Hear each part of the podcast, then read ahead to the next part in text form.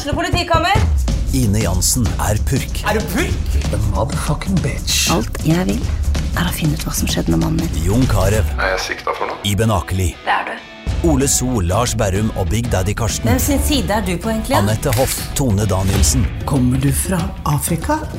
Jørnis Josef, Nesten. Kløfta. Trond Espen Seim, Det er synd å si det, men det var feil mann som døde. Purk. Premiere tirsdag på TV2 Play. Dyrisk desember med podkasten Villmarksliv. Hvorfor sparker elg fotball? Og hvor ligger hoggormen om vinteren? Og hva er grunnen til at bjørnebinna har seg med alle hannbjørnene i området?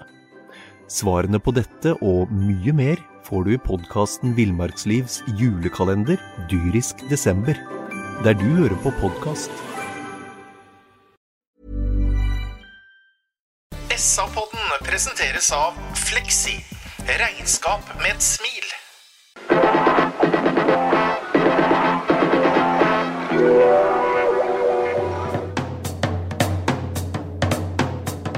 Sarpsborg Arbeiderblad gir deg en ny episode av SA-podden med Sven René Nygård, Øystein Weber, Petter Kalnes og Bjørn Inge Bingen Nilsen. God kveld, alle sammen. Det er søndag, og det er en time siden Sarpsborg 08 har slått uh, Sandefjord 4-3. I studio og i SAs lokaler sitter en uh, glad Bjørn Inge Binge Nilsen. God kveld. Og sitter en rolig avbalansert Øystein Weberg. Så avbalansert det går an å bli. Så sitter en Sven René Nygaard med et blodtrykk høyt som et uh, fjell. Jeg har mista synet i perioder i stad på slutten her, men uh, jeg sto sammen med gode gamle Kolla, Ja. eh, pappaen til Bjørn Inge, og han var så nervøs på slutten, og det, der var vi to, i hvert fall. Kolbjørn fikk, eh, jeg tror, eh, Kolbjørn fikk dommeren til å blåse av 10-12 sekunder før tida, for han turte ikke noe mer. Nå orker jeg ikke noe mer, sa han Kolbjørn og skrek ut til dommeren, og så gikk fløyta. Og det han Kolbjørn og vi andre ikke orka, Øystein, det var eh, de siste minuttene på stillinga 4-3 til Sarpsborg. Og det var, som vi vet, ti mann med blåhvite drakter utpå der. Ja, den kampen her hadde jo si, Det var jo en berg-og-dal-bane sånn følelsesmessig. Det, vi kan jo gå litt mer i detaljer etter hvert her, men, eh, men fra å se ut som en eh, rund million og styre butikken fullstendig, eh, så gir vi jo helt oppsiktsvekkende fra oss dette initiativet. og og til pause så er jo egentlig Da er jo egentlig ikke vi favoritter lenger til å vinne kampen, for da, da har vi også fått én mann mindre. Så denne kampen her, den hadde det meste. Jeg var på en fotballsamling på Greåker lørdag kveld, Sven, og da satt vi og preka om eh, gamle fotballkamper som vi hadde spilt, på et dårlig nivå. Uh, det her er en sånn kamp som de kommer til å preke om når de møtes til en Oldboy-samling om uh, 20 år nede på brakka her. Ja, nei, han, han, var, eh, han var helt eh, nesten si meningsløst eh, rar. Altså, Øystein har allerede vært inne på det, men herregud som vi peiser på. Vi gleder oss til 3-0, og så snur hele bøtteballetten, og så kommer rødt kort. ikke sant? Og da vet jo alle hvordan det endte til slutt, men eh, det var en utrolig deilig seier, seier selvfølgelig. Men eh, det, det, det, ja, vi kan prate om det etterpå, men det går ikke an altså, å holde på sånn lenger. Det går ikke an å drite seg så loddrett ut som vi gjør. Vi eier en fotballkamp, og vi gir den egentlig bort. Og så er det bare iherdig innsats og coaching i verdensklasse som eh, gjør at vi faktisk vinner den kampen her. Hva konkluderer du med, herr Nilsen? Eh, akkurat, du blir jo, Det er akkurat som du har spiller sjøl. Du blir jo helt eh, følelsesmessig helt tom. Og så blir du sliten. eh, og så ser du at det betydde så enormt mye for guttene i dag etter kampen. Det var jo egentlig voldsomme gledesscener blant spillerne, og det var det på stadion blant publikum òg etter kampen. Og det er jo riktig som eh, Øystein innleder med, at når vi går til pause etter å ha surra det nå så inn i helvete til, så er vi jo definitivt ikke eh, favoritter til å gå ut og ta den kampen på 2-2 til pause med én mann mindre. Og en keeper som, eh, som eh, i utgangspunktet er tredjekeeper før sesongen. Mm. Eh, og vi vet at vi har egentlig alle odds imot oss. Og eh, ja, det blir en fantastisk opptur når, eh, når dommeren blåser i, i piperen eh, når annen omgang er slutt. Den følelsen der, Sven, den, den, jeg har ikke funnet noen annen arena i livet mitt i hvert fall, der du har den der følelsen når du går av banen der og har vunnet sammen med kameratene dine. Nei, og så er det noe med Det kan kanskje ha litt med spillertype å gjøre og personligheter å gjøre, men jeg spurte vel, som dere kanskje hørte, dere som følger med her på poden Det her er jo den deiligste seieren i år. Eh, ikke fordi han var vakker. Men det er liksom måten han kommer på, måten de må på en måte håndtere ting på. Du ser en Saletros da, som for det første løper mye, men hvis du la merke til hvordan Saletros tok med seg publikum Billborn sa etter kampen her er, Vet du hva, publikum fikk full kreditt av Billborn i dag, fordi, og det er helt enig de løfta laget fram på slutten her. Folk, når sist så jeg at hele stadion sto oppreist når det var en 30 sekunder, liksom? Og når du vinner en sånn fotballkamp, du kommer hjem, så har du blå ankler, så har du blod på knea. Det er greit, det, hvis du vinner 5-1 og spiller propagandafotball, men når du liksom vinner 4-3, og du har vært nede og takla i møka og fått juling og gitt juling, og vinner der, det er det deiligste serien du kan få. Og så setter jo Billborn på noen helt uvanlige prøver. Uh, Sven er jo inne på at, eh, at, det er god coaching i dag. Og, og, du vet at denne kampen ligner ikke på noen kamp. Den. Han, han, blir først utfordra på at de får én mann mindre. Da må han tenke det første sjakktrekket sitt. Da skal han jo ta ut igjen for å kunne sette inn en keeper. Og så gjør han noen bytter også til pause her som, som uh, Vi skal ikke være så høye og mørke at vi sa at vi uh, ville kopiert alle dem, men med fasit i hånd så, så blir dette veldig, veldig riktig da. Mm. Veldig interessante taktiske grep som blir gjort. Dem skal vi ta gå litt gjennom uh, etterpå. Men vi kan begynne med å diskutere det faktum at han går til en kamp uh, med uforandra lag. Etter at man har spilt en meget svak kamp på Hamar. Det betyr altså fort og gæli. Vittu Nilsen i mål. Uh, Halvorsen, Utvik, Horn og Soltvedt bak. Martinsson, eller June Martinsson og Saleto sentra på midten. Maigard, Linseth, Heinz og Molins er de fire framme fra start. Bingen, det faktum at han ikke bytter, er det at han gir dem på en måte ansvar en gang til. Nå må dere reise kjerringa. Ja, han gjør jo det, men det får meg til å tenke på Anton Skipper som kommer inn i kamp 1 pga. leggskaden til uh, Magnar Rødegård. Og som kommer inn og tar uh, stadionpublikum med storm. Det gikk helt til han slo en skjebnesvanger feilpasning som bakerste mann. Som for øvrig nå Jørgen Horn har gjort to håndfuller av siden han uh, fikk plassen som stopper. Og etter det så mista han stoppeplassen. Han ble prøvd som, uh, som back. Eh, veldig keitete, og det var eh, for meg så syns jeg det var dårlig gjort mot Anton Skipper å spille back, og etter det så har han hatt noen småkjenninger og skader osv. Men for meg nå så er det veldig rart at man ikke gjør en forandring når det gjelder eh, Jørgen Horn. Og eh, skal ikke jeg si at Jørgen Horn er ferdig som spiller, men han har definitivt ikke kommet tilbake der han slapp. Og han gjør for mye. Det blir for mye personlige feil som er avgjørende for matchbildet, og det fikk vi se i dag òg. Ja, så jeg er veldig overraska over at vi stiller et uforandra lag fra HamKam 3-2. Jørgen Hoel får jo en kamp i annen omgang som han vil ha. da. Der er han jo bra. Ja, I annen omgang så ville jeg ikke tatt den ut, når Nei. vi skal gå ut og være kyniske. Jørgen Horn er mye mer en duellspiller enn en pasningsspiller. Men jeg må også si det nå, at jeg blir overraska over at ikke han går seirende ut av flere hodedueller enn det han faktisk gjør. Mm. Jeg tror også en annen eh, side av dette her, eh, Petter, det er at eh, som vi har vært innom noen ganger før, så er antagelig det dårligste tidspunktet for å analysere en fotballkamp. Det er helt umiddelbart etter at kampen er slutt. Og jeg legger merke til et intervju med Billborn nå senere i uka, når han uh, har fått litt mer avstand til kampen på Hedmarken. Og da er han mer positiv enn han var umiddelbart mm. etter kampslutt. Så det er faktisk også sånn at det er én medvirkende årsak også til at han ikke gjør noe særlig bytte. Det er at han syns prestasjonen var ok. Nei, Etter at du ikke skal begynne på et seirende lag, Sven, men her uh, har han også uforandra etter en tap. Er det psykologien at han skal gi dem uh, Nå får dere ta ansvar og reise kjerringa, gutter, liksom? Er det der her? Det slår i hvert fall meg umiddelbart. Mm. Og Ole Jørgen, som var uheldig i den kampen også, i tillegg til Jørgen blant annet, så eh, ja, de, de, får gjøre opp for seg, da. Eh, gå inn og prestere igjen, sånn at de på en måte kan reise den kjerringa som uh, datt som en potetsekk uh, oppe i Hamar. Mm. Så jeg tror det er en psykologi der sånn, og ja, jeg syns det var riktig gjort, er faktisk, å gjøre det. Og jeg er ikke helt enig med Bingen at han eh, på en måte nesten er ferdig han Jørgen Horn. Fordi, jeg, sier, jeg sier ikke han er ferdig. Nei, men, men, eh, men, men, det jeg sier er at det, det der er ikke lov, Jørgen, og det vet han bedre enn noen andre. Men så må vi, hvis man luker vekk den der, der som irriterer fordi at det akkurat har skjedd tidligere òg, ikke sant, så ser vi en del tilfeller der. altså Jeg husker jeg sa til han Veberg, rett etterpå så slår han en gjennombruddspasning gjennom ledd mm. eh, mellom to motspillere som vi kunne fått den imot. Mm. Og det som han Øystein også sa, Det hadde ingen ungepling gjort. Han reiser kjerringa med den passingen med en gang. Men, men eh, du, er, du er jo en snill gutt, eh, Sven. Men du er nok i overkant uh, snill også nå med Jørgen Horn. For Bingen har et godt poeng, og det er at uh, vi kan alltid snakke om en sånn enkeltulykke som i, i, i første omgang. Den er ikke noe vits å dvele noe mer med. Det er jo en stor tabbe. Men jeg er litt overraska over at han eh, ryker i et par andre dueller, som på en måte egentlig er Jørgen Horn sitt, eh, sitt, eh, sitt sterkeste våpen.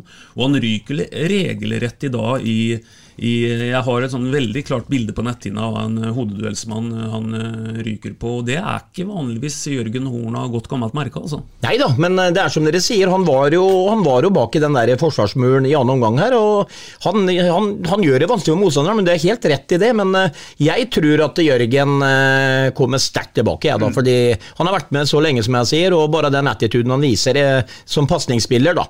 eh, Etter at han har drept på draget, liksom. Det, det viser at gutten har selvtillit, og han, eh, han kommer tilbake. Petter og eller gutter, vi åpner jo fantastisk. Eh, eller vi- De to første minuttene var kjemperustne. Da prøver vi å skjenke dem to-tre mål i løpet av to minutter.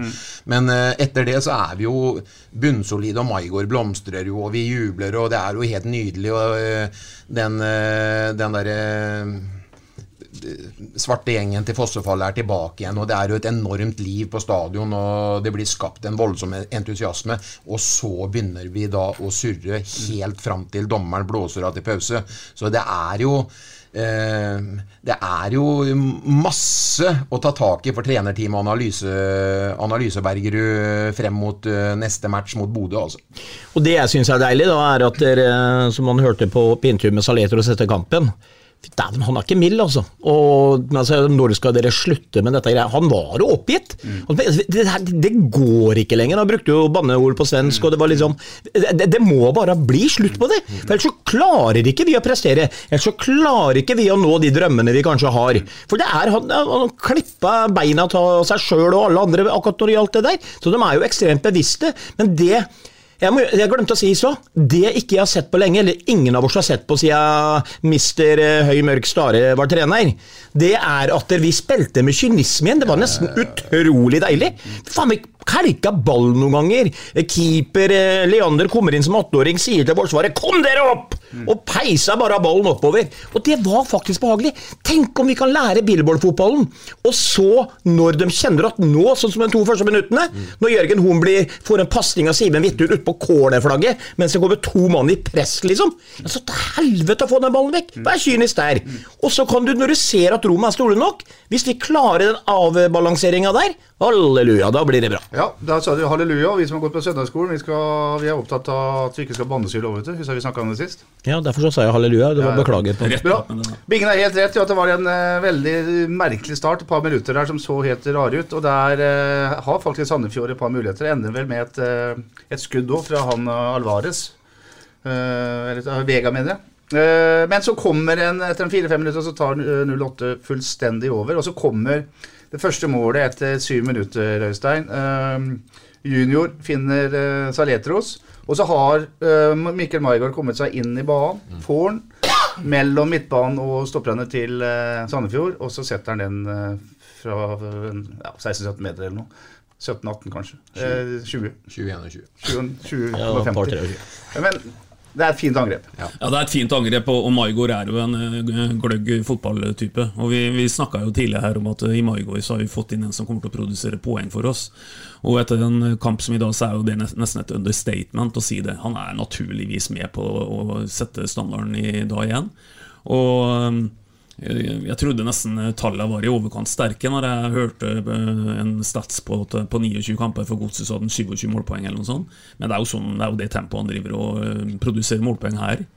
Så, så han er eh, veldig, veldig viktig. Veldig, veldig fotballintelligent.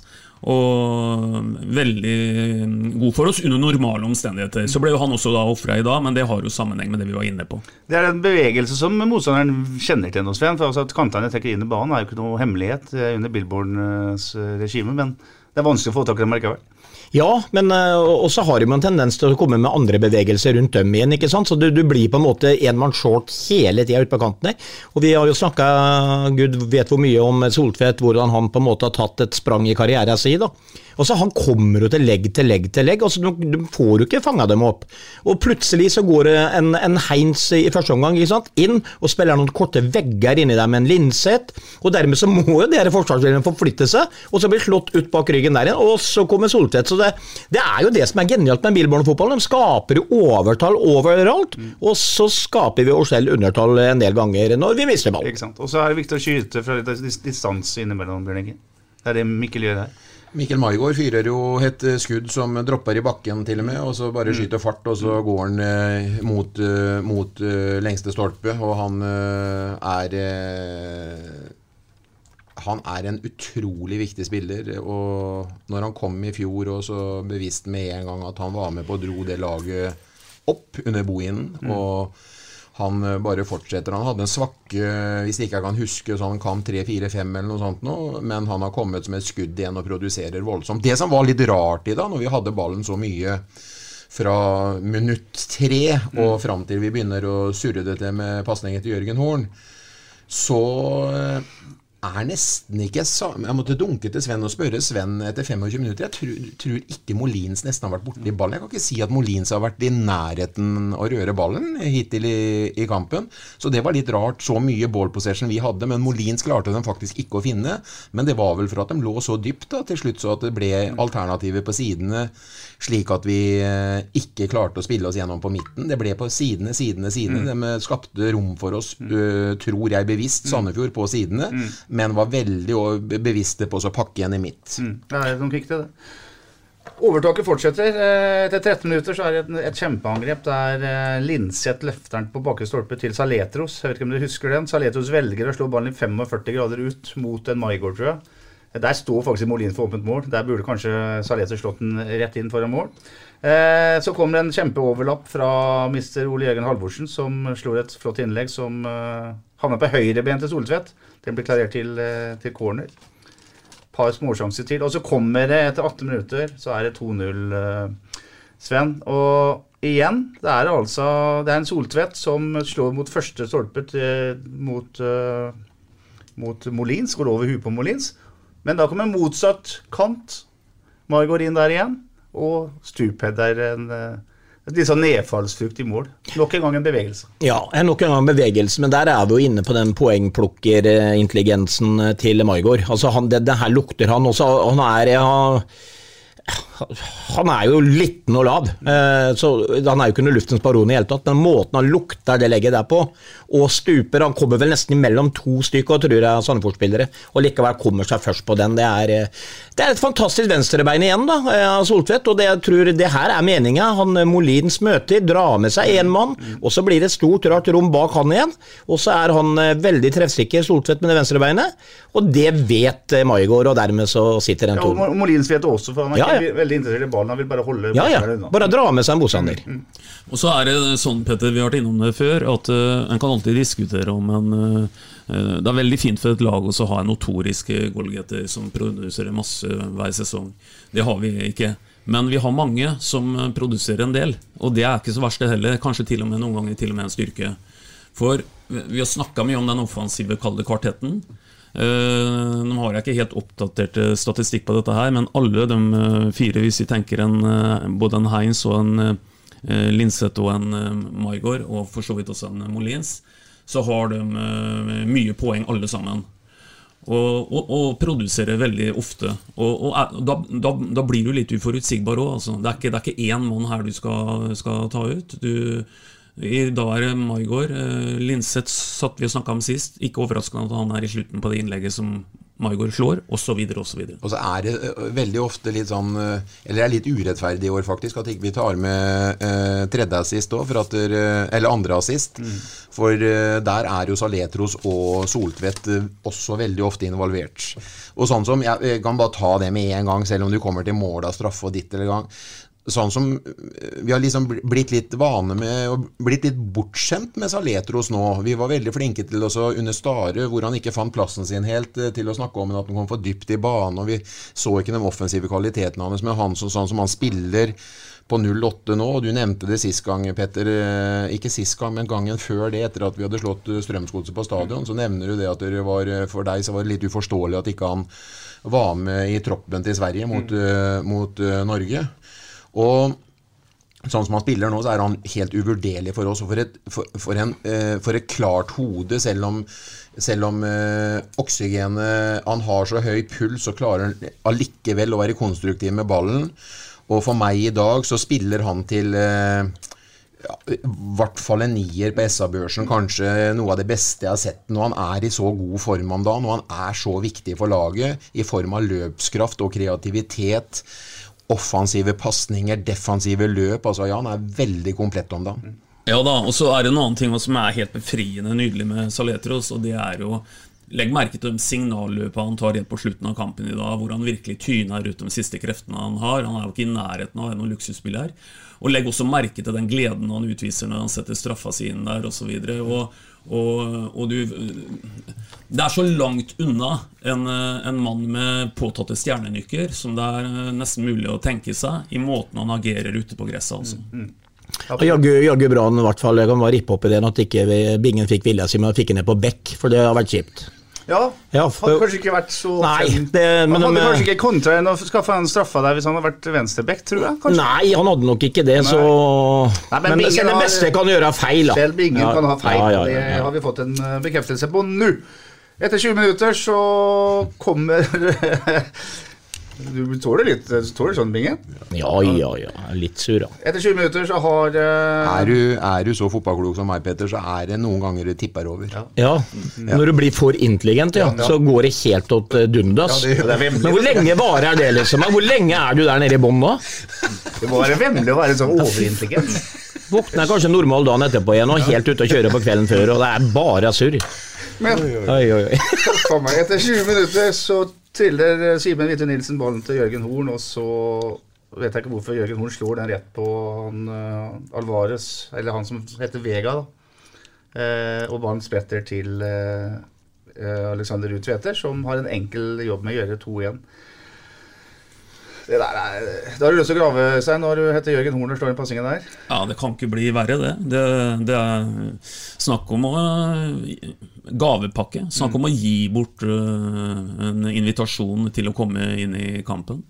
For øh, som vi har vært innom noen ganger allerede, så er det helt, øh, helt uforståelig. For det er så klasseforskjell i, i, til å begynne med at jeg er helt trygg på at dette her blir bare et spørsmål om hvor stor seieren skal bli. Men så skjer det som skjer. og Jørgen Horn er naturligvis den første som, eh, som skjønner det, at det, det var en svær tabbe. Men jeg, skal, jeg vil understreke også det som han, Sven var innom i stad. Og Sven var innom det eh, for et par podder siden òg. Da er den rutina til Jørgen Horn tross alt god å ha. For en kan godt tenke seg at en ung spiller som hadde stått i den eh, situasjonen der, hadde resten av kampen vært på en måte ødelagt for. Men Jørgen Horn, øh, basert på at han nå er 35 år og har levd et langt fotballiv, han er rutinert nok tross alt til å tenke at øh, gjort er gjort, nå går vi videre. Det, det er Situasjonen etter 20 minutter er på en måte starten på en uh, rest av en omgang som, som blir egentlig veldig svak. Jeg, har notert en del feilvurderinger da, som spillerne gjør. Eh, for det jeg syns er hovedgreia her, det er så masse feilvurderinger både med og uten ball. Vi har en etter 24 minutter. Nå, nå blir det hengt ut litt, men det må man tåle. Bjørn Inge Utvik. Han følger uh, Alexander Ruud Tveter eh, helt ut på sidelinja. Eh, mann, altså følger mann fra sin midtstopperposisjon. Lager et kjemperom bak seg. Uh, Ruud Tveter står i en støttepasning og en gjennombruddspasning til uh, Ofkir, som er alene med keeper. En, en voldsom feilvurdering av midtstopper på dette nivået, spør du meg. Heldigvis så er det bra av Simen og uh, Jørgen Horn som får retta opp i den sjansen til uh, Ofkir. Eh, 29 minutter er gått, og Linseth slår eh, en gjennombruddspasning til Ofkir, rett og slett. Eh, forferdelig feilpasning som går rett til eh, nok en gang. Er Ofkir alene med keeper? Og så denne gangen endrer med corner. Og så kommer det en enorm eh, dobbeltsjanse etter 33 minutter, der eh, det er målvakten Simen Hvitte Nilsen som etter mitt skjønn vurderer en corner helt feil. Den går eh, helt i motsatt hjørne, der Soltvedt først header i egen tverrligger. Og så redder også Soltvedt eh, returen på streken. Så der er det altså gedigne sjanser. Og så kommer den siste feilvurderinga vi kan ta med, og det er eh, Simen Hvitte Nilsen som jo må utafor 16-meteren når eh, Alexander Ruud Tveter blir spilt igjennom, og Simen bruker hånda, og blir da utvist for hens, Sven. Ja, nei, altså den utvisninga Det er jo klassisk i mine øyne dårlig forsvarsspill. Så kan noen sikkert si at det er bra angrepsspill. Men vi har lært til det, Petter, at når det ikke er press på ballfører, og du står med en firer som står helt flatt høyt oppe i banen, uten å si at det her kan pasningen også, uten uh, sammenligning for øvrig, han uh, Ruud Tveter er ikke akkurat Speedy Gonzales heller. Så når han løper ifra og kommer alene sånn som det der, så betyr det at forsvarsspillet har vært helt nattam. Det blir ikke noe løpsduell heller. Her må vi se med en gang når den ballen blir slått i støtte, så må noen i fireren falle nedover. Være i forkant av han, ikke da, så slipper vi hele dritten der. Står helt flatt, helt rolig, og det er, kall det godt angrepsspill, men det er i mine øyne drittforsvarsspill. Ja, jeg tar et eh, jeg, jeg trodde en periode håpa i hvert fall at det kunne være en offside, men eh, det er høyrebekk Ole Jørgen Halvorsen som jeg, som jeg helt bestemt mener opphever offsiden. Så dermed så er bueløpet til Ruud Tveter eh, vellykka, og Midtstopperen står selvfølgelig altfor høyt. Ja, jeg eh, mener at Forsvaret der uansett i sånne situasjoner, de må tenke når ikke det er press på ballfører der, og vi er så høyt i banen i hele Forsvaret, så kan vi ikke håpe og tro at alle ligger på linje at linjedommeren vinker. Da må vi bare stikke hjemover. Jeg er helt enig. Men eh, Bingen, uh, Simen Hvitte Nilsen havner jo en eh, fryktelig sånn på halvdistanse der, som jeg vurderer i hvert fall. Hva, hva tenkte du om situasjonen? Det første som slo meg, var at når ballen traff armen hans, så tenkte jeg at det er rødt kort. Men så pusta jeg litt letta ut, for dommerne reagerte ikke. Men så tenkte jeg at nå er det kjørt, for linjemannen gjorde det jo.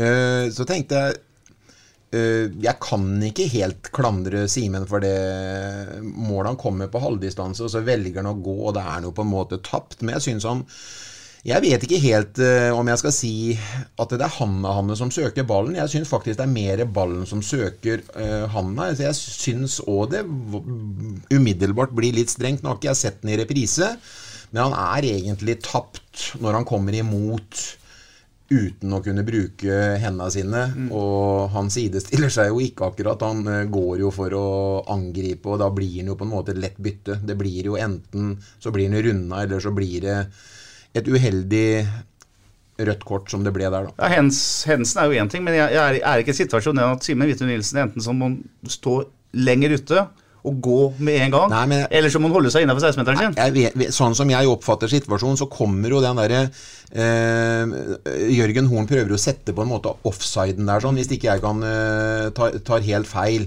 Og da står han Det er i hvert fall 25 meter igjen til streken. Det er godt utafor 16-meteren. Og da når uh, Ruud Tveter tar det bueløpet som du refererer til da, så er jo allerede Simen Vittu Nilsen på en måte solgt. Han har jo lang vei å gå utafor, selv om han er offensiv og står på 16, så har han jo enda lang vei å gå for å møte Ruud Tveter. Men er ikke valget at han skal være på innsida av 16-meteren og, og utfordre Tveter én mot én er det vel litt sånn I den Billborn-fotballen så skal du vel ikke Ja. spille som eh, spille noe A4-fotball. Da har han fått beskjed om at han skal være Mm. være spillbar med bena og, og stå høyt. og Da blir det for sent når at eh, Forsvaret blir unna så kjempesvakt og lett som de gjør så høyt i Mm. banen. For eh, Bru Tveter er ikke noe Speedy Gonzales. Der er det bare smartnessen hans som gjør at han eh, Mm. tar et bueløp, og så går ballen på den sida, og han går på den siden, og så er du borte som forsvarsspiller. Jeg setter vel heller et mye større, større spørsmålstegn ved forsvarsspillet, Petter, enn jeg gjør ved men, men nå blir det jo konsekvens på konsekvens. Simen blir utvist. Og øh, han nå kommer i voldsomt rare situasjoner helt ifra kampstart. De samme som har Jørgen Horn og han, det har ikke vært noe god match. Der er det pasninger på hverandre, og det er to mann i rygg, og Simen Vittun spiller på feilvendte spillere som har mann i rygg, og det blir eh, veldig snåle avveininger, så det var jo utrolig deilig å se hva de kommer ut og presterer i andre omgang med ti mann i forhold til kynismen. Og så forteller de helt sikkert etter at han eh, gikk ut og bomma i feltet, han Leander Øy, en gang, at der, eh, nå går du og steller deg på streken, og så går vi i duellene i Mm, lufta. mm. Og så ble det jo en veldig flott kamp i annen omgang. Ja, jeg b- b- bør ikke dra det her noe veldig lenge, men jeg vil bare si to ting om det med, med den uh, Simen Hvitu Nilsen-saken. Det er eh, litt dårlig tima av han. Eh, vi kan godt diskutere hvor han skal være, men du har et poeng i forhold til at han gjør verken det ene eller det andre. Mm. Og når han først kommer, så kommer han for sent. Han går an å lese den situasjonen der tidligere. Og når det gjelder hvorvidt det er hens eller ikke, så er det i hvert fall hens i forhold til gjeldende praksis, vil jeg si. Så, så der jeg sitter, så Det er ikke lenge siden vi fikk en straffe med oss på en ball som går opp i en hand. Dette dømmer de hens på. mm. Så, så, så en kan godt diskutere skyld og eh, hva søker hva. Men, men eh, jeg hadde blitt veldig overraska hvis ikke dommeren hadde tatt den. Mm. Bra. Det var synd for Simen Hvitte Nilsen i hvert fall at uh, dette skjedde. Det som skjer etter uh, utvisninga, er at uh, Billborn plukker av uh, Molins og setter da Leander Øy i uh, buret. Leander Øy, som er en kar fra Årdal, som har reist til uh, Sarpsborg for å bli fotballkeeper, rett og slett. Det er tøft. Han har gått på skole her. Reiste hjemmefra tidlig og får sin debut eh, mot Sandefjord. Og han har ikke vært på banen i mange minuttene før det smeller opp i krysset for han, Sven. Og det er litt av et mål, men litt av en eh, ilddåp for guttungen nå, for å si det om Leander Øy. da. Ja, for det første må jeg bare si det, det om Leander Øy, at dere- ja, han kunne kanskje tatt det tredje målet, eh, men eh, der er det dårlig jobb i forkant, vet du, for det skuddet der sto jo VG på tirsdag, at det kom skudd, så de er jo ikke ute og, og hjelper der heller. Men når han kommer inn, altså det første jeg ser, det er at han eh, Oi, han begynner med hanskene, og så snur han seg mot tribunen, og så smiler han og ler litt. Og så her kommer en guttunge inn, og så går han ut. Og så, når undertegnede får intervju med han etterpå, så er det mulig? Kunne tro han jobba i mediaskolen, sier jeg. Altså, han prater for seg, han er så oppegående. Eh, Jeg måtte spørre er du så kald. Eh, Det var liksom ikke det store problemet, dette her. liksom. Han, han gikk og smila i situasjoner, roa ned, brukte tid, brukte ikke tid. Vet du hva, det var, det var eh, beundringsverdig. Og jeg skal være så ærlig å si det at jeg fikk ordentlig mange anelser. Det er tross alt en tredjekeeper. Det er ikke alle fotballklubber i en eliteserie som har tre knallgode keepere. Så jeg var ordentlig skeptisk eh, når det her skjedde. Men tar av meg hatten i ettertid og gjør en fremdragende jobb, tross alt. Du har sett Leander Øy, ikke minst på trening, eh, Bingen. Det går an å si om han og hans keeperegenskaper?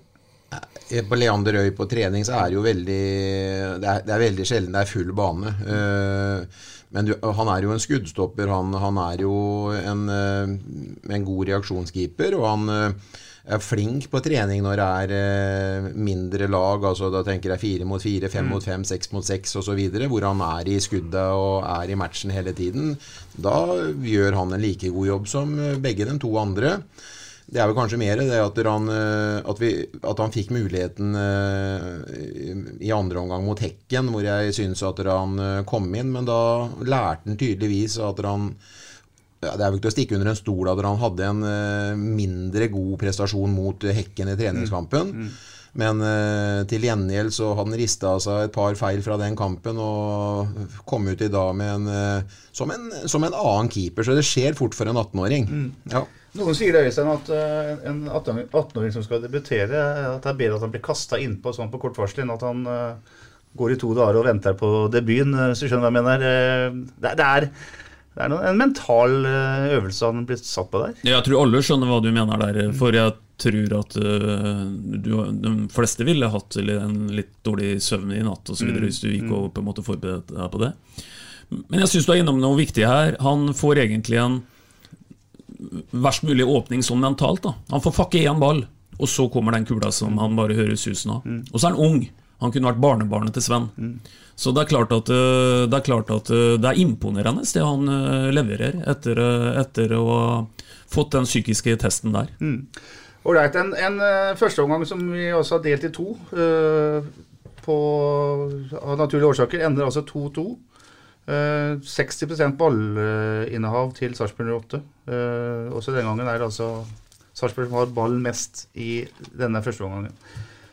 Ja, da må jeg si det. Når vi gikk til pause da, Petter, så var jeg så nedtrykt sammen med resten av Ja. stadionpublikummet. Så lurte jeg på faktisk på om jeg skulle gå bort til Espen Widlund og Lars Aaland og spørre dem om vi skulle gå på Neptun og ta, ta, link, og ta en øl eh, der istedenfor. For Ja. da følte jeg at der, det her kan jo ikke gå. Men jeg ble jo så jævlig glad for at ikke jeg gjorde det. da. Mm. Helt klart.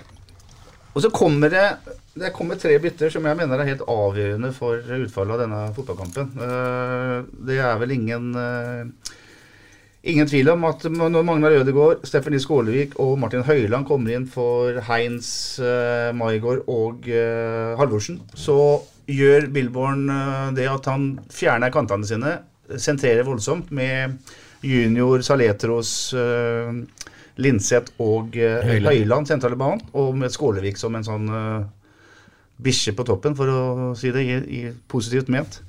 Klok, klokt av Billborn, Sven. Iallfall med fasit i hånd. Ja, da, og det er jo derfor jeg tulla litt men eh, i forhold til coaching i verdensklasse som Rekla holdt på så en gang i tida. Det, det mener jeg. For det, det første jeg ser når de byttene kommer, så slår det meg først nå at det nå skal gutta ut og krige. De skal ikke slippe inn flere mål. Det er ikke sikkert de skårer heller, for nå blir det for mye defensivt. Men vi skal i hvert fall ha med det poenget, da. Eh, men så skjer jo det motsatte, eller det skjer ikke motsatte. Vi, vi, vi gjør det. fordi Hvis man i ettertid tenker på hvor mange store sjanser hadde de i annen omgang, det var jo svært lite. Men vi har jo noen overganger, vet du, og det vet jo Billeborn. Når du har, og Han sa jo det temaet etter kampen. altså Letros at det, og jeg sa også det, nå smeller det, sa jeg idet ballen spratt og jeg så Skålevik kom, og Sing datt som en dårlig potetsekk og lå som å ha slekka gress, rett og slett. Og da sa Saletro etterpå Jeg skriker til Skålevik, eller når jeg ser Skålevik går i duell, så vet jeg at han vinner og så bare stikker jeg. ikke sant? Og det er jo det som skjer, og det blir jo mål av den situasjonen der. Så det der var, eh, det var helt nydelig, og jeg sier det nok en gang. Gud bedre, jeg elsker Billborn-fotballen, men guri malla så deilig det var å se kynisme igjen også. Og så er det jo, synes jeg på en dag som dette, utrolig deilig å kunne trekke fram en Skålevik. da For det er klart at etter at han kom, og hele hans i Sarpsborg med utlån og, og mye forskjellige greier, den har jo vært prega av mer nedturer enn oppturer. Men det er som Billborn også sier i, i, i intervjuet med Sven etter kampen i dag, at en kan sikkert si mye om Steffen, men vi vet hva vi får. Vi vet hva vi får når vi hiver inn på han. Og, og han er eh, Jeg har lyst til å si det så sterkt, ja, at, eh, at uh, vi vinner denne kampen pga. Uh, Skålevik. Altså, det er jo ikke så- enkelt, men, men han har en veldig veldig viktig uh, oppgave i dag. Og er som sagt helt direkte involvert i den der duellen i forkant av at Anton tar skje i egen hånd og så skaper det straffe. Ja, men det skjer mye viktige ting med de byttene vi får inn. Vi tar altså ut Vi blir redusert til ti mann. Og vi får inn, eh, vi får inn eh, en Leander Øy. Vi får inn eh, en Magnar i 46, Martin Høiland i 46 og Steffen Lie Skålevik i 46. Det som skjer f.eks. med en Martin Høiland, da, som jeg sier til dere på, jeg, jeg blir helt sånn forelska. Altså, han er nok mere defans, har nok mer defensive fibre som kommer til sin rett i det systemet hvor de skulle spille kynisk i annen omgang i dag. Og eh, han er så disiplinert og så lojal i forhold til taktikken til Billborn når han går ut på banen i annen omgang. Han er nesten ikke utafor midtsirkelen. Det er arbeidsområdet hans. Der skal han være. Der skal han være ryddegutt. Der skal han erobre. Der skal han slå enkle, enkle pasninger. Han skal ikke begi seg ut på noe dybdeløp. Han skal ikke slå noen 40 meter. Ingentingen. Han skal spille på styrkene sine. Og det er enkel fysisk fotball. Så jeg syns han òg kom strålende Ja, fra det. ja, ja. Og, og, og hvis du eh, ser løpsmaskin som tar mer enn løpsmaskin junior, altså som tar mer enn eh, plass på venstresiden altså Føttene går i ett enda sett. Uh, Steffen Lie Skålevik, når han går opp der sånn, så er det jo så deilig å se at Harmed Singh ligger på, på, på gresset og spiser uh, granatkuler, og han uh, Anton Saletros erobrer ballen og kommer inn i, i straffefeltet, og det som skjer, det skjer. Så det er jo mye deilig Jeg holdt på å si, som Sven har vært inne på, eh, mye deilig som skjer i annen omgang med kynisk fotball. Jeg tror nesten publikum pusta litt letta ut i annen omgang når de så at vi klarte å klarere både på eh, opp til motstanders mål og opp på tribunen, og at ikke vi måtte spille fem trekk innafor 16-meteren før vi klarte å løse opp med en som frigjorde seg på midten osv. Det var ikke en sjansepasning. Vi gjorde alt med kløkt. Det han vel også gjør helt bevisst, Sven, er at han lager korridorer til Sandefjord på sidene og lar dem slå innlegg, og stoler på, på at Horn og uh, Utvik da får brukt det de kanskje er aller best på, nemlig duellstyrken her. For uh, det, det er jo en veldig, et veldig kompakt, sen- sentrert 08-lag etter pause defensivt. Ja, ja, veldig kompakt. og For meg så så det ut som en ren 4-4-1, men uh, han sa vel egentlig det etterpå at han ønska vel å spille Dyrisk desember med podkasten Villmarksliv. Hvorfor sparker elg fotball? Og hvor ligger hoggormen om vinteren? Og hva er grunnen til at bjørnebinna har seg med alle hannbjørnene i området? Svarene på dette og mye mer får du i podkasten Villmarkslivs julekalender dyrisk desember, der du hører på podkast. Eller 4-3-1-1. Og det er jo de andre. Ja, eh, og det var jo litt sånn når Linseth fløy i det mellomrommet. Ja, ja. Eh, Men, men det blir, blei jo veldig ofte en firer på midten. Mm. Sånn blei jo status. Og det er klart at som Bingen var inne på der, som en Høyland og, og, og en, en junior og de gutta som flyr inni der foran eh, den bakre fireren, da.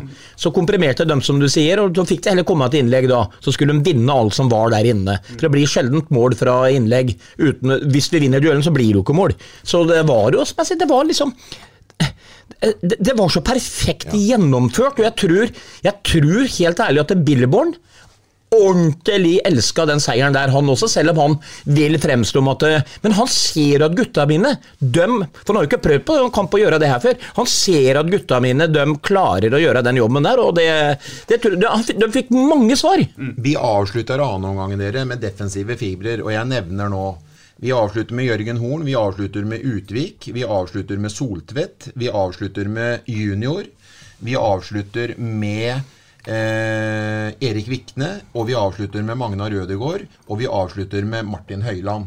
Og ikke Og vi- minst og- og- en defensiv spiss du kan kalle Skålevik, det er ingen i Norge som jobber mer defensivt enn han som spiss. Og så klarer vi, gutter, så få luka ut to mål av de andre omgang. Mer perfekt kan det ikke gjøres. Nei, jeg er helt enig. Før vi tar detaljene, så vil vi ta et tema til, nemlig kontringene her.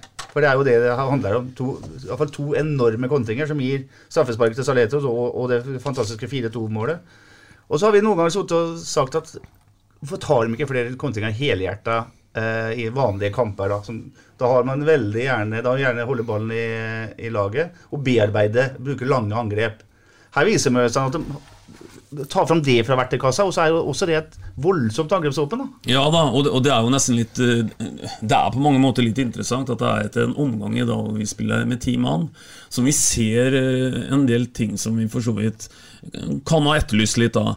Vi har vært innom dette her med eh, ja, Spesielt det, du sier nå, da, med, med kontringsvilje og kontringskraft og, og eh, i det hele tatt. Men også det der islettet av kynisme da, som vi også ser i, i annen omgang i dag, som, som vi selvsagt har etterlyst noen ganger, spesielt når en eh, med frist i minne har nesten gitt bort en eh, ferdig, ferdig vonde seier fra tidligere erfaring. Så det, det er noe med at eh, Annenomgangen i dag ble en eh, veldig, veldig opptur. Og fra at uh, sikkert Norsk Tipping hadde hatt en live-odds etter 20 minutter hvor vi hadde fått uh, 1-0-1 for Sarpe-seier, så sto vi vel i firebingen kanskje til pause. Så, så dette her eh, var veldig veldig gledelig. At det var mulig å, å dra med seg tre poeng i dag. Men kynismen er ikke større, Sven, at uh, Billboard-holdninga kommer fram. og Når man leder 4-2 der med ti mann, så kontrer det med fem og seks mann likevel. Det er jo helt deilig. Ja, det handler om moral vet du, på, på gutta og sånt nå, og jeg må jo bare si det at dere vi kan jo kanskje gjøre dette her eh, oftere, kjøre eh, Kontra. kontra istedenfor å opp, bearbeide for mye. Men så klarer jeg liksom ikke å fristille meg for det jeg har vært inne på mange ganger. Altså. Det som Jørgen gjør i dag på 2-0, det Ole Jørgen gjorde på Hamar, og de her som jeg har vært ute etter hele tida Hvis hver enkelt spiller kan slutte å gjøre idiotvalg, så hadde vi hatt så jævla mange poeng med den spillestilen. Og så Det er de her personlige, enkle tinga som ikke har noe med et system å gjøre, som har vært bane... Ja, de har felt oss, rett og slett. Felt mange poeng for oss. Så hvis vi klarer å luke vekk det, sånn som vi gjør i annen omgang i dag Hvis Jørgen Horn krøller nakken og feier opp den ballen istedenfor å spille den tunnelpasningen ikke sant? Altså, vi- hvis vi klarer det, og fortsetter med billboardfotballen, 70-30 og 90 innlegg og skårer tre mål osv., så, videre, så taper vi ikke fotballkamper. Så jeg vil gjerne at vi spiller Billboard videre også, men vi må skjerpe det er ikke, ikke systemet, men utførelsen det handler om. Ja, det er jo det det handler om, for det er jo enkeltspillerne som gjør dumme valg her. Det, er jo, det, er ikke, det er jo ikke systemet som gjør at noen spiller ballen rett i spissen som går inn og skårer. Har ikke noe med systemet å gjøre det. Da må han som får den møkkapasningen, sånn som i dag, begynne med Simen, ut til Jørgen, og Jørgen skal gjøre noe C-moment. Det går ikke! Hvis de tar vekk det, og spiller som vi gjør, blir flust av poeng. Og så hadde vi det jo sånn i tre år, vel, eller fire år, at vi stort sett skåra ett mål i snitt per sesong. I 2019 så avrunda vi alle sammen i kulda oppe på Åråsen, og den sesongen skåra vi 30 mål. I dag skriver vi 3. juli, og vi har skåra 28 mål på 12 kamper. Helt fantastisk. Så det, det er er jo jo ikke, et, eh, det er ikke det offensive det står på. Nei, Nei. nei. Flest mål i Eliteserien, og det Ja, jeg trodde nesten ikke at vi skulle si det noen gang. altså. Nei, vet du hva, det var, det var så utenkelig, det. Ja, ja, så utenkelig. Nei, men, Eller seriekamper, mener du? ja, men vi er jo, vi er jo oppvokst vi på antifotball de siste åra. Så det her er liksom men Vi har jo vært gjennom det tusen Altså, ganger. lett hoderegning, så li- ligger han til 80 mål, vet du. Stemmer Øys- Stemmer Nei, men Uten at jeg har regna på det, men vi ligger an til rundt 78-80 mål, noe rundt der. Ja, i hvert fall mellom 70 og 80 mål. Det er helt riktig. Så Helt utrolig. Og, og legg også merke til 79 hvis jeg går stolpe inn i ene skuddet. Ja, men han, er- husk på, han er i overkant intelligent. Han. Ja, han er det, vet du. Men vi håper ikke tipper over for den igjen nå. Vi eh, skal ta litt detaljer, da. Etter 52 minutter så gjør eh, Anton Saletros noe som ikke så veldig mange fotballspillere eh, gjør. Han springer fra motstanderen med ballen i bena. Han løper nesten like fort med ball som uten. Det er eh, kjempeegenskap. Ja da, det er, det er jo Jeg vil si Det er mange styrker den mannen der har, men det er jo en av de virkelige styrkene. At, eh, at han er jo i stand til å kunne gjøre sånn helt egentlig på, på egen hånd. Og det verste er, vet du, at eh, når han, eh, når han eh, Vi sitter jo ikke med verdens beste vinkel for eksempel, i forkant av den der straffesituasjonen osv., men når han drar seg inn i feltet der, og du ser at han setter på full speed, så sitter du med en veldig veldig sterk følelse av at her kan det bli skapt noe. For det er veldig sjelden å se en Anton Saletros som er for treg til neste ballberøring der. Han, han når Du, du, snakka en gang om tåa til Lars Melby og ikke minst Vidar Boje Hansen. Men se også tåa til Saletros. Den, den, den dukker opp alltid. Straffesparket hadde nok vi sagt vært billig hvis det var eh, en samfunnsspiller Sandefjord-spiller som gikk i bakken, men det er en viss kontakt mellom Harmet Singh og uh, Saletros. Straffesparkbingen, etter å ha slått to høyt til høyre, så legger han den uh, helt inne i det venstre stolperota. Det er variasjon, kalles det. Ja, eh, det var jo forvent alltid det uvente, men eh, han la to etter hverandre i samme høyde og samme maske mot uh, Viking hjemme. Og det var nok keeperen klar, klar over. Altså, han uh, er jo en intelligent mann, han Anton, så Godset hjemme, tror jeg. ja, Hva sa jeg, ja? Viking. Unnskyld. Det er ganske hjemme. lenge siden, det. Ja, fem- fem, eh, 5-1. Det var det jeg mente. Men uansett så var det genialt at han bare setter den inn, og det er så veldig deilig. Han blir eh, han som skaper straffa, og det er han som tar straffa, så det er eh, en sikker mann for oss om dagen. Etter 67 minutter så får Leander Øy stadion til å i til å løfte seg når han leser et eh, flatt innlegg som han bytter ballbanen på. Holder den sikkert i, i grep. Så legger vi merke til utover omgangen at det er ikke noe fristilling bak, frispilling bakfra. Eh, Leander Øy slår langt hver gang det er dødball. Selvfølgelig helt bevisst for å unngå å få presset høyt eh, mot seg. Unnskyld. Og så kommer eh, duellen, eh, kampens duell, Sven. Det er altså et, en høy ball der Harmet Singh, står i en slags venstre backposisjon på, på midtstreken omtrent. da. Og så ser eh, alle at, at Skålevik tar sånn Patrick Sjøberg-sats. Tre steg, og så syns jeg, tror- jeg tror Harmet Singh tenker at dette her kommer til å gjøre vondt, og det gjør jo. Ja, vet du hva, det er, men, men det er Skålevik. Også det, er, det, det er så deilig. og jeg, Som jeg sa i stad, jeg sa det lenge før duellen oppsto ordentlig, for jeg så at det her kommer til å bli en duell, for den ballen kommer til å sprette opp igjen, og da må Skålevik og Singh i duell. Og nå, da sa jeg at nå smeller det, ikke sant? Å gud som det smalt. Og dommeren slo ut med hendene men egentlig så det var en fair duell. Men det er jo det som er Skålevik, ikke sant? Det, det, er jo det som er det geniale med den bytten i dag. Altså for, man vet jo hva man får, sier han, eh, sier han Billborn. Og det er klart at det, altså, han er jo faen meg, han er jo nede i 16-meteren og rydder opp, vet du. Og så spurter han opp, og så vinner han sånne dueller etterpå, liksom. Og så kakker han på leggene, og så som midtstopper får du ballen feilvendt, og så Hører du liksom Når du vet Skålevik kommer bak deg, du vet du blir ikke kvitt den, og du vet det gjør vondt. Nei, det er eh, Skålevik, fantastisk. Vi må ikke, nå, nå har vi tatt alle sammen snart, men vi har, vi, Magnar kom inn og gjorde en solid innsats og var med på et lag som skårer to og slipper inn ett i annen omgang, han òg. Så Magnar kom inn og gjorde en solid innsats, han òg. Så det var veldig, veldig, veldig Ja, ja, ja. Begge var morsomt. Eh, Etter duellen så leser jo Saletros den, så han har starta i forkant. Får headinga fra, fra Skålevik. Og da er det full spurt. Basaletos med ball, Skålevik uten. Han kommer jo halsende etter. Junior uten og Linseth uten ball. Og kanskje en og annen til òg. Iallfall så fører Saletos eh, lenge før han spiller til en Linseth som blir blokkert. Og retur havner hos junior. Og akkurat det målet da har vi faktisk sett junior gjøre en del fra tidligere på, i Hammarby og sånn. Bredside fra 16-17 meter, helt inn i hjørnet. Og da er det en mann som alltid gliser. eh, Junior hadde jo ikke noe grunn til å ikke glise etter det. i hvert fall. Nei, Veldig fortjent at Junior fikk, fikk sette det fjerde målet. Og Han prikkskyter jo den inn i hjørnet. Og det er, det er som guttene sier, det, det er eh, det eneste risikoen eh, når, når det, vi starta med den eh, situasjonen hvor Skålevik kommer som, en, kommer som et sånt eh, lavt fly, det er jo naturligvis at du kan bli for vørsløs i den situasjonen så du får frispark mot deg. Da er jo alt over. Men det er som Sven sier, at dommeren signaliserte med en gang at dette her, såpass må du tåle, Sing. Og, og eh, i det hele tatt, det var eh, Det var noe veldig signal over det han starter der, han Skålevik. Og Nøkkelen i kontingen der, Sven, er jo at det er eh, fire spillere totalt som er med på. Og, det er vel tre defensive til Sandefjord som ikke vet helt hvem de skal forholde seg til. Ja, det, er der guttene har vært så gode i dag, syns jeg, en andre gang. For de, de gangene vi kjørte overganger, så klarer spilleren å lese det sånn som Linseth og de andre ser at her kommer vi faktisk i overtall. Så da lønner det seg å sjanse på dette her, for da blir det en stor situasjon. Litt annerledes hvis Sandefjord hadde ligget kanskje på rett banehalvdel med fem spillere. Kanskje Linseth hadde tenkt dæven, vi får vente på neste bølge, ikke sant? Men det er liksom, det er jo det som er hele signalet på den her eh, seieren. Jeg sa det tidligere, jeg sier igjen. Dette er årets desidert deiligste seier. Det er ikke diskutere engang. Uansett om vi vinner 5-1 mot Godset for meg, så er den her den deiligste.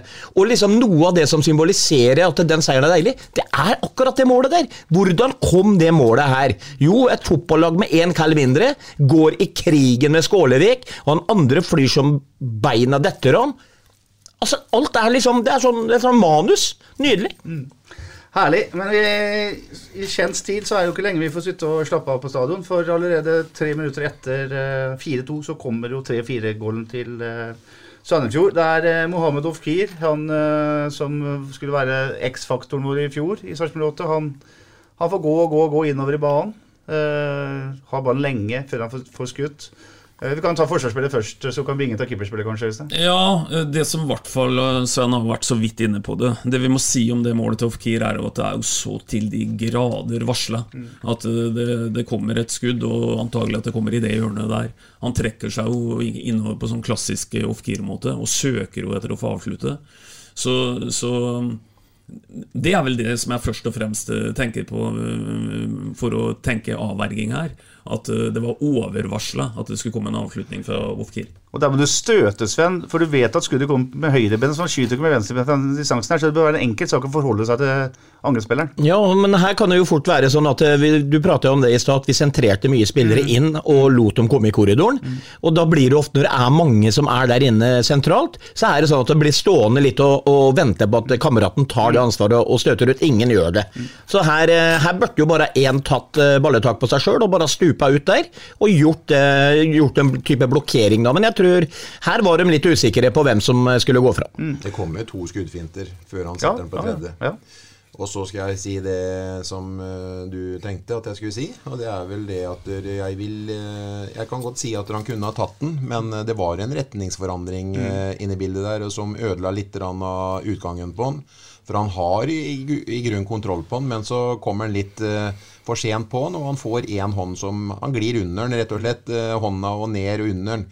Hadde han fått hånda ned på bakken, så hadde, jo, hadde han klart å slå den ut. Men, Jeg er litt usikker på om han ser utgangen på skuddet, og gjør han det? du? Det er mye ben i veien her. Ja, Det kan hende, det nesten, ja, men han er veldig fint sentralt, og han har veldig god utgangsposisjon på, på skuddet, så han er jo allerede når skuddet går på vei helt riktig. Han venter jo ikke eller reagerer ikke for sent, ingentingen. Så jeg velger og tror at når han har utgangen på han, og når den, den kommer da, så er han ganske sikker på at den skal jeg ha inn, men så kommer en retningsforandring på han etter en sånn, ja, tippe en fire-fem meter, og det er nok til at den blir satt litt sjakkmatt. Kunne fortsatt ha tatt den, men eh, men eh, den retningsforandringen gjør at eh, han slipper den inn. Hva var sinnsstemningen der, eh, Øystein? Altså, Leder med ett mål, men det er fortsatt 18 pluss tillegg igjen. Og det ble jo faktisk seks minutter tillegg Og det var lenge igjen. Vet du hva jeg tenkte, Petter? Jeg tenkte at de 20 minuttene som står foran oss nå, de er lenger enn å stå i veikanten og vente på sånn veihjelp etter at dekket ditt har punktert. Litt taxi hjem fra julebord. Ja, og alle kjører forbi deg og perter og peker og du, du Ikke sant? Dette, dette er lange minutter. Det vi snakker om er korte minutter. Det er sånne minutter hvor du sitter på Chat Noir og hører på Atle Antonsen og Bård Tufte Johansen. Da går tida fort. Her så jeg for meg at det skulle gå fryktelig lang tid, eller ta lang tid, og det gjorde det jo. Jeg tok meg å se to ganger på klokka, og begge ganger så sto minuttene på 73. Ja, ikke sant? Da er det Så, lenge. så da blir det lenge, altså. Men du har allerede sagt det, Sven. Det er jo ikke noen eh, 100 sjanser i noe særlig grad der. Masse innlegg, eh, dødballsituasjoner, noen langskudd. Men det er ikke sånn at du sitter og ser ballen i mål. Nei da, men, men jeg har bestandig vært bygd sånn jeg, da, at eh, når vi leder eh, Når det der 4-3-målet kom for øvrig, så holdt jeg på å be med bingen på nepa sjøl. Da, da kunne vi begge to gått, for da, da, da, da falt jeg sammen. For da så jeg for meg at dette kommer ikke til å gå likevel. Da var vi heroiske, ikke sant, og får den rett i trynet der igjen. Og, og da blei det liksom sånn ordentlig nedtur. Men eh, for hvert minutt som gikk, da, så vokste det en sånn der optimisme i meg. i hvert fall Dette skal vi stå imot. Men du var jo inne på det, det var ikke eller det jeg mener er at når du har nok innlegg inn i boks, da Det er, sier det nok en gang, Leander er ung og uerfaren. Eh, plutselig spretter den ballen eh, litt feil og lander i et Sandefjord-bein som beiner den inn i mål og sånn, ikke sant. Så det, det, da Du blir jo nervøs, liksom. Det er, jeg blir kjempenervøs, men, eh, men gutta sto imot og kriga, og det gikk bra i dag. Så det skal nok en gang ha all ære for. Og det duellspillerne våre der inne i dag, selv om vi var inne på at Jørgen tapte en del dueller og sånn, så vinner de jævlig mange, vet du. Og så er det Ellers så hadde det blitt mål. Og så er det jo morsomt da at vi endelig har fått uh, bekreftelsen på det Billborn er kjent for, at han heller vinner 4-3 enn 1-0-løse. Ja, ja, det, Det er underholdning. Ja, da, her er det underholdning. Og så vi, Det slo vel både Bingen og Sven og meg i dag hvor mye dette her betyr for folk. Og da snakker han om folk i byen. Å gå fra stadion til en sånn kamp med tre poeng, det er jo en fryd. Du, du, du hører jo bare en sånn summing av, av glede. Så, så dette her eh, betyr eh, utrolig mye. Og jeg har sagt til både Bingen og Sven i dag at trengt for en livskvalitetsheving dette her har gitt eh, oss fotballinteresserte sarpinger. Eh, fra å ha levd kan du si tiår etter tiår etter tiår i skyggenes dal, da, så er vi nå med på den store scenen. Og annenhver helg eh, samles rundt eh, eh, byens vannhull og går og ser på fotball, og innimellom til og med får en sånn en, eh, pakke, underholdningspakke, som vi fikk i dag. Og dessuten Bingen, så er jo disse tre poengene dødsviktige. Altså, hvis vi ser på tabellen, for sånn, sånn som norsk fotball er, så det er kort vei begge veier, hadde jeg sagt. Og nå er, det også, nå er man altså på femteplass i snakkende stund med 19 poeng. Men klart hadde man eh, ikke hatt de tre poengene, så er vi nede på en eh, niende-tiendeplass. Og er nærmere oss den berømte Sumpa som vi har snakka om. Så Ja, over, og, vi har spilt 12 kamper, Petter, og over oss på tabellen så er det lag som både har spilt 13 og 14. Ja. Så vi, eh, vi er fint med Vi har holdt på å si uh, Vi har på en måte uh, Vi har sørga for det sjøl, at ikke vi at ikke vi ligger høyere på tabellen. Ja, ja. Ja, for vi, vi har jo ikke vunnet noen kamper ufortjent. Nei. Vi har heller tapt kamper vi har vært best i. Så da, ingen har jo helt rett i det. For vi, vi, Det er jo ikke én kamp vi har vunnet i som vi har hatt flaks i, som jeg kan se for meg. Men vi har tapt fotballkamper på piss, som, eh, som vi kunne hatt mange flere poeng. Så, flyten til, flyten til Lillestrøm, så hadde jo kunne vært helt oppi der. ja, ja, ja. Altså, ja, men vi, Men det kommer, vi skal spille, vi skal spille 18 kamper til, Mm. så det er eh, voldsomt mye poeng som skal, eh, skal eh, deles ut. Og vi må bare stramme til eh, det defensive pasningsspillet vårt, så slurvefeil må lukes bort. Så kommer jo det her til å bli en enestående sesong for oss, eh, både med hensyn til poengfangst og skåra mål. Det er jeg helt overbevist om. Helt klart. Det var 4094 eh, betalende tilskuere innenfor eh, portene på stadionet da. Andre matchene som har gått, det er Ålesund Godset 1-0, HamKam Molde 0-0. Kristiansund Lillesøm 1-3. Geir Bakke flyter videre på en eh, liten rosa sky på Kanskje gul sky da på Romerike. Og så er det nå ni minutter igjen av Viking Rosenborg. Det står 1-1 i snakkende stund. Men det er litt spennende å se. Altså, vi, vi satt der og sagde beina av dem, og det hadde vi rett til etter HamKam-kampen. Mm. Eh, som vi er Hoster òg, jeg. Det er sjeldent. Eh, jo, eh, også her, her er vi altså og spiller der oppe og er så dominerende i forhold til HamKam med store deler av kampen og taper den. Men nå ser vi nå igjen også HamKam-Molde 0-0. Det er, det er ikke noe walk in the park noen ting lenger. Det er kun eh, et virker som er walk in the park, det er å dra til Kristiansund eller møte dem, stakkar. For det er Når vi hadde null poeng etter fem kamper, så har nå Kristiansund spilt der i ti kamper av ett poeng.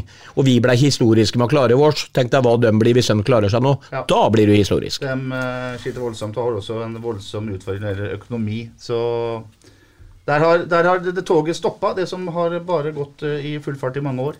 Eh, vi kan ta ett tema før vi tar overtid. Det er faktum nå at Simen Hvite Nilsen ikke spiller mot Borgrimt. Han har karantene. Får uh, iallfall én kamp eh, automatisk, selvfølgelig. Det er sånn, nå skal jeg ta forbehold at jeg sier det er riktig, men at det er sånn at man kan søke dispensasjon når du får sånne type keepersituasjoner, for å få lov til å hente inn folk selv om vinduet ikke er åpent, altså overgangsvindu.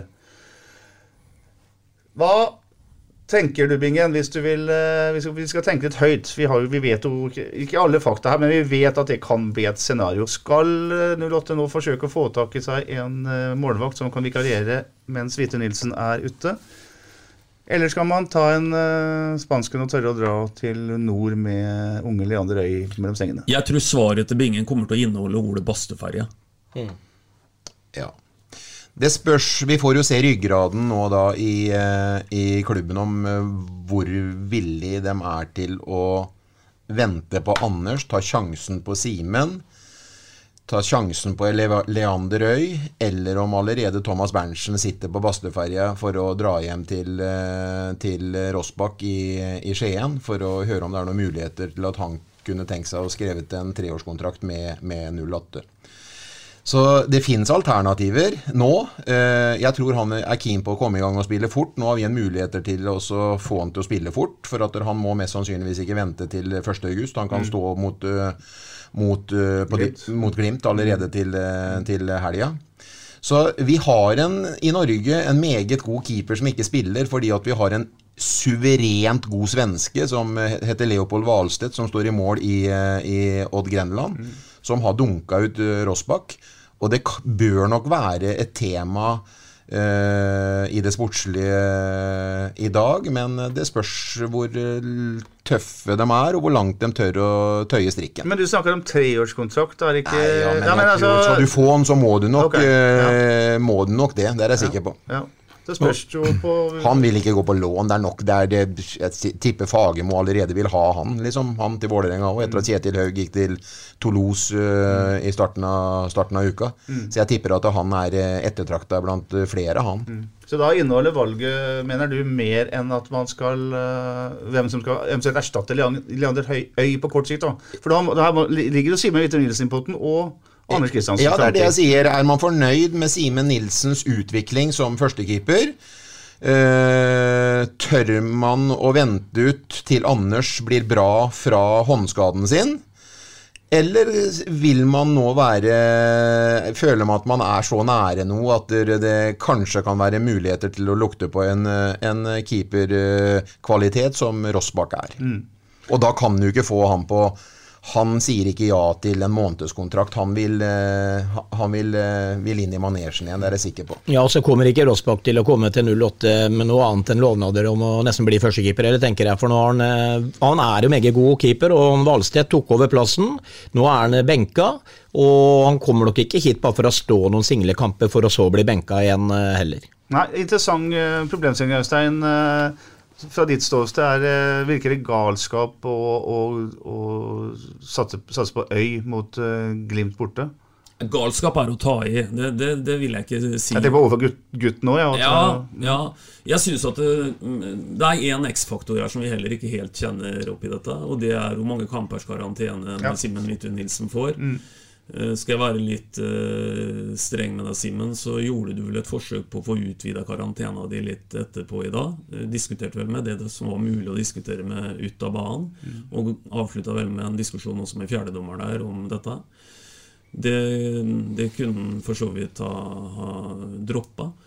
Eh, Så, så det ligger også litt sånn i potten. Eh, Hvis, han- hvis Simen Hvitu Nilsen får én kamps karantene, så det som er kjente faktorer, er at vi skal reise til, til Bodø med Leander Øy i én kamp, så, så eh, da, da må jo beslutningen være, tenker jeg, at en, en gjør det. Med mindre ikke, som Bingen er inne på, at en har en annen policy rundt dette. Kanskje en ønsker seg en, en ny keeper inn, da. Og det er ingen tvil om at Rossbakk er en klassekeeper. Han har i mange bruttolandslagstropper blitt tatt ut. Det er bare som Bingen sier, at han har fått en, eh, fått en konkurrent der borte nå som er fantastisk god. Men det ligger veldig kort av at Rossbakk ønsker seg vekk. Det er han eh, veldig, veldig tydelig på. Så jeg, jeg, jeg vet ikke hva men, men, men ikke galskap å reise til, til, til der. For det verste som kan skje, det er at vi taper borte mot Glimt. Og det, og det, det tåler vi uten at vi går helt i kjelleren. Det er jo også sånn uh, Bingen, at uh, Midtun Nilsen er et salgsobjekt. Uh, kan det til og med tenkes at han går allerede nå i sommer? Hvis man får inn en type erfaren ny keeper, som du sier. Ja, Eller så må Ja, er allerede, kan være et salgsobjekt allerede, mener du nå? Simen Hvitte? Det er dem som har antyda det. Ja, ja, da er jo det det at altfor tidlig, spør du meg. Ja, altså, ja. Jeg syns Mm. han må ut og du må, du må lære å gå før du begynner å løpe. Han har, eh, selv om han har eh, alle forutsetninger for å bli en god keeper, så har han eh, fortsatt voldsomt mye å lære. Den dagen han tror han er utlært og er klar for nye arenaer etter de kampene han har hatt i 08 nå, så er det etter mine bedømmelser eh, helt, helt feil, og det kan godt hende at en vurderer eh, sånn i 08 at det kan være et scenario at vi kanskje skal eh, leie den ut til en annen klubb, men hvis de får solgt den, så er jo det litt for tidlig, spør du meg, da. Men hvis de skal selge den, hvis det er i tankene.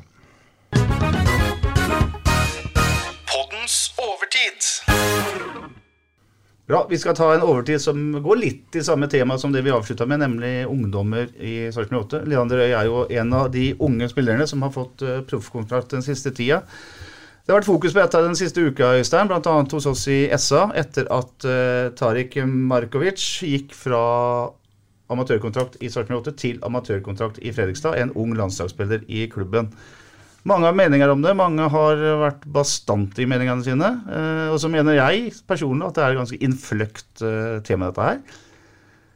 Men i bunn og grunn så er det vel et ønske om å få fram egne talenter som skal spille fotball i Eliteserien, som, eh, som ligger i bånn her.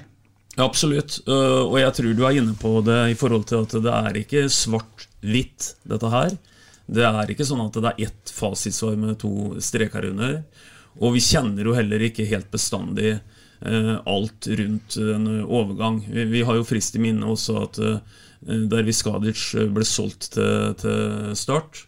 Og, og i etterkant så kom det vel også fram opplysninger som, som eh, på en måte gjorde at noe av kritikken falt litt på stengrunn, på en måte. Eh, For eh, en hadde egentlig et ønske om der å leie ut, men, men Start var tydelig på at de ville eie osv. Jeg tror det som, er, det som smerter kan du si, den lokale fotballsjela, det er vel at en eh, gutt på 17 år Uh, som er blant uh, skal vi ta i litt, da, så sier vi landets 30 beste 17-åringer, eh, og har kommet så langt på stigen, velger da også å gå til uh, Kall det vår erkerival. Eh, Men igjen, det, det kan være mange ting som er eh, årsaken til det. Det som er det litt store bildet, og som eh, vi mm, også bør bruke litt tid på, det er jo hvorvidt vi, vi får nok ut av det som på en måte er hele akademitankegangen og egenproduserte spillere her.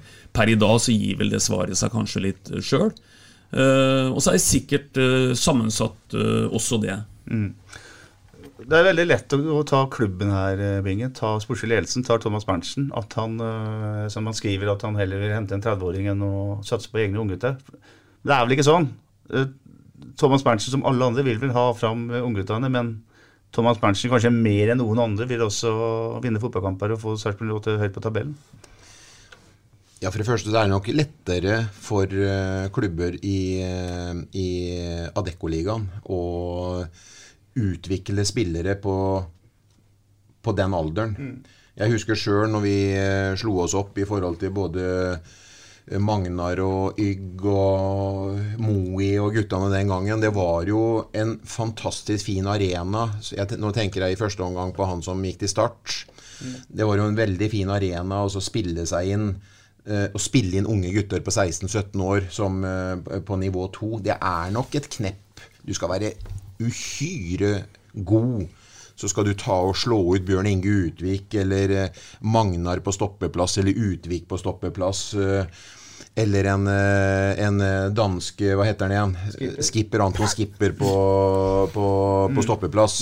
Så jeg, jeg synes jeg, og så syns jeg hele den saken med han som gikk til Fredrikstad nå er veldig snål, for han går jo faktisk til Fredrikstad inn i juniorlaget på amatørkontrakt. Så det er jo ikke noen proffkontrakt som blir skrevet. Han blir jo ikke løfta opp på et seniorlag heller. Så jeg vet ikke om eh, kanskje både foreldre og agent eller eh, hva det måtte være, og gutten sjøl Jeg syns man er litt for utålmodige. Og jeg syns eh, ikke Thomas Berntsen skal henges fordi at han henter en Anton Skipper eller gir kontrakt til en Jørgen Horn, eller at du spiller med en Utvik eller en Magnar Rødegård fremfor, fremfor en gutt på den alderen.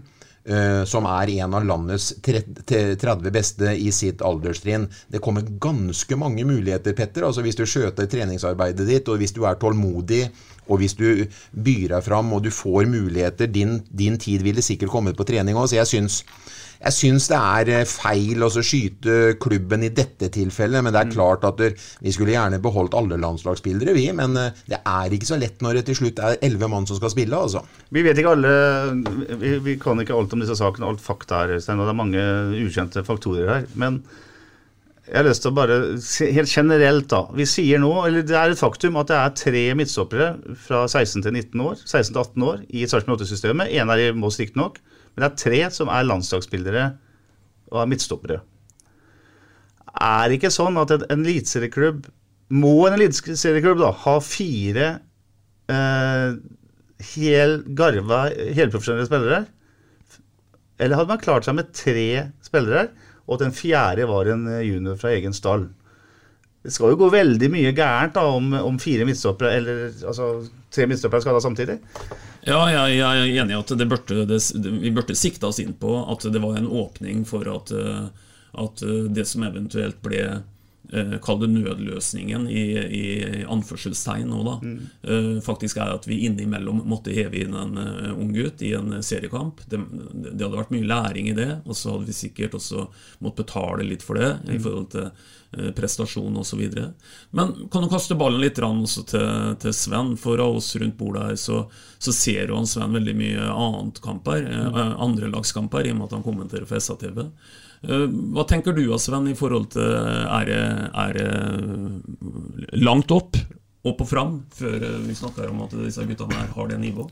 Altså, sånn som Markovic, da, som nå har gått til FFK, så han har jeg jo kommentert noen ganger. Eh, selvfølgelig et stort fotballtalent, det er jo ingen tvil om det. Det er jo grunnen til at man er på et landslag. Men jeg har også sett eh, de gutta her spille mot da ja, alt fra avdanka fotballspillere på andre motstanderlag osv. osv. osv. Og i mine øyne så har han fortsatt ekstremt lang vei for å kunne spille stopper i et eliteserielag som Sarpsborg 08. Og du, du kan ikke liksom bare være snill mot eh, folk heller. Det er som Binge var inne på.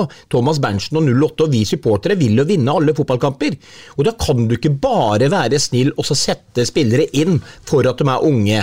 Har vi ikke noen annen løsning, så forstår jeg hvis alle er skada osv. Men vi kan ikke bare pleie dem på den måten der. Og jeg mener jo da i hans alder Han får god treningshverdag sikkert i 08, og han kunne vært enda mer tålmodig, og hva som eh, spiller seg inn bak der ved å gå til FFK, om det er rett og slett for at veien er kortere til å spille på et A-lag. Det er selvfølgelig helt mulig, men eh, jeg, jeg sier at dere de, de, de må ha litt mer tålmodighet, disse spillerne, for det er eliteserienivå vi spiller på, og det er knalltøft. Og det, Markovic har tapt mange dueller eh, i de kampene jeg har kommentert, og han hadde tapt enda flere på eliteserielaget til Sarpsborg 08.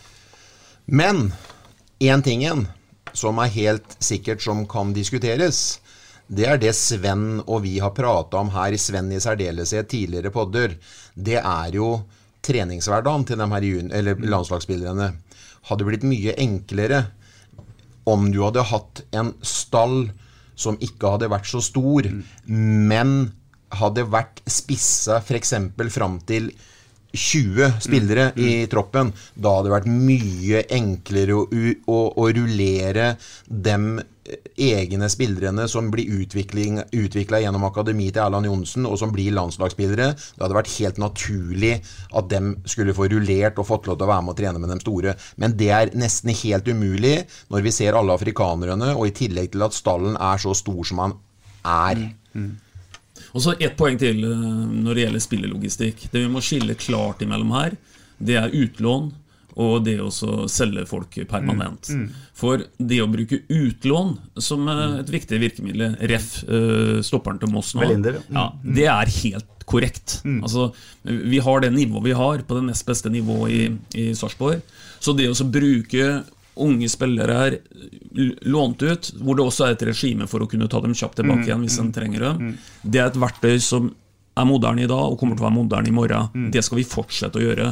Jeg tror det som først og fremst tenner litt av blussen her, Mm. det er hvis en spiller på, går på permanent overgang, da, Mm. og så han er på en måte ute av, av klubben Mm. permanent. Ja, Bra. Vi kunne prate om dette her i en hel pod. Vi skal komme tilbake til temaet. Det tror jeg vi nesten kan eh, garantere. Og så understreke at vi snakka litt om det, det, det vi vet, de faktaene vi har på bordet. Vi kjenner ikke alle ukjente faktorer i disse ligningene som skal gå opp ned på Sarpsborg stadion.